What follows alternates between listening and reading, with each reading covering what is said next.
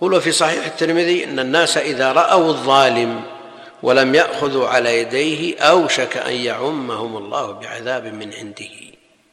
إن الناس إذا رأوا الظالم ولم يأخذوا على يديه أوشك أن يعمهم الله بعذاب من عنده.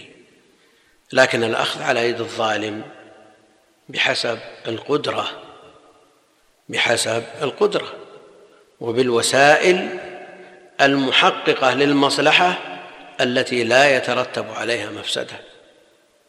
لا بد من مراعاة القواعد العامة في النصيحة وفي الأمر بالمعروف والنهي عن المنكر.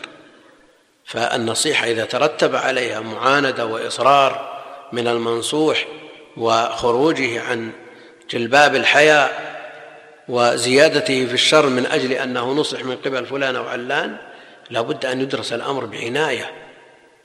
وكذلك الأمر بالمعروف والنهي عن المنكر إذا خشي أن يترتب عليه منكر أعظم منه فلا شك أن آه، درء المفاسد مقدم على جلب المصالح.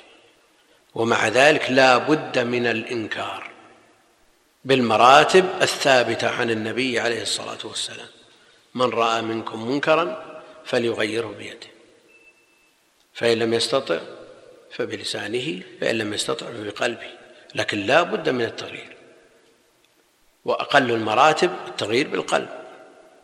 وفي صحيح البخاري الترمذي عن النعمان بن بشير عن النبي صلى الله عليه وسلم قال مثل القائم على حدود الله والواقع فيها كمثل قوم استهموا على سفينة فأصاب بعضهم أعلاها وبعضهم أسفلها. استهموا يعني بالقرعة. أنت مكانك فوق أنت مكانك تحت وهكذا. بالقرعة. مثل القائم على حدود الله والواقع فيها كمثل قوم استهموا على سفينة فأصاب بعضهم أعلاها وبعضهم أسفلها. فكان الذين في أسفلها إذا استقوا من الماء مروا على من فوقه. مروا على من فوقه. فرأوا أن من فوقهم تضايقوا منهم من كثرة المرور عليهم. فقالوا لو أن خرقنا في نصيبنا خرقا بحيث لا نحتاج إلى أن نمر على من فوقنا ولم نؤذي من فوقنا فإن يتركوهم فإن يتركوهم وما أرادوا هلكوا جميعا. وإن أخذوا على أيديهم نجوا ونجوا جميعا. هذا المثل النبوي مطابق غاية المطابقة لواقع الأمة في هذه السفينة التي تتلاطم الأمواج من حولها تدفعها يمينا وشمالا وأحيانا إلى الأمام وأحيانا إلى الخلف فإن ترك المفسد يعبث لا شك أنهم يهلكون جميعا. وإن أخذ على يده وأطر على الحق نجا ونجوا جميعا. فهذا مثل مطابق. في هذا الحديث تعذيب العامة بذنوب الخاصة. وفيه استحقاق العقوبة بترك الأمر بالمعروف والنهي عن المنكر. فيه استحقاق العقوبة بترك الأمر بالمعروف والنهي عن المنكر.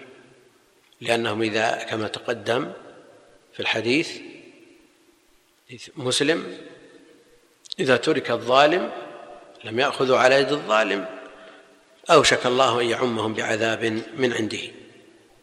يقول القرطبي قال علماؤنا فالفتنة إذا عملت هلك الكل. وذلك عند ظهور المعاصي وانتشار المنكر وعدم التغيير وعدم التغيير. وإذا لم تغير وإذا لم تغير وجب على المؤمنين المنكرين لها بقلوبهم يعني لا يستطيعون التغيير باليد ولا باللسان أنكروا بالقلب. لكن هل يسوغ لهم أن يبقوا مع هؤلاء العصاة؟ يقول وإذا لم تغير وجب على المؤمنين المنكرين لها بقلوبهم هجران تلك البلدة والهرب منها.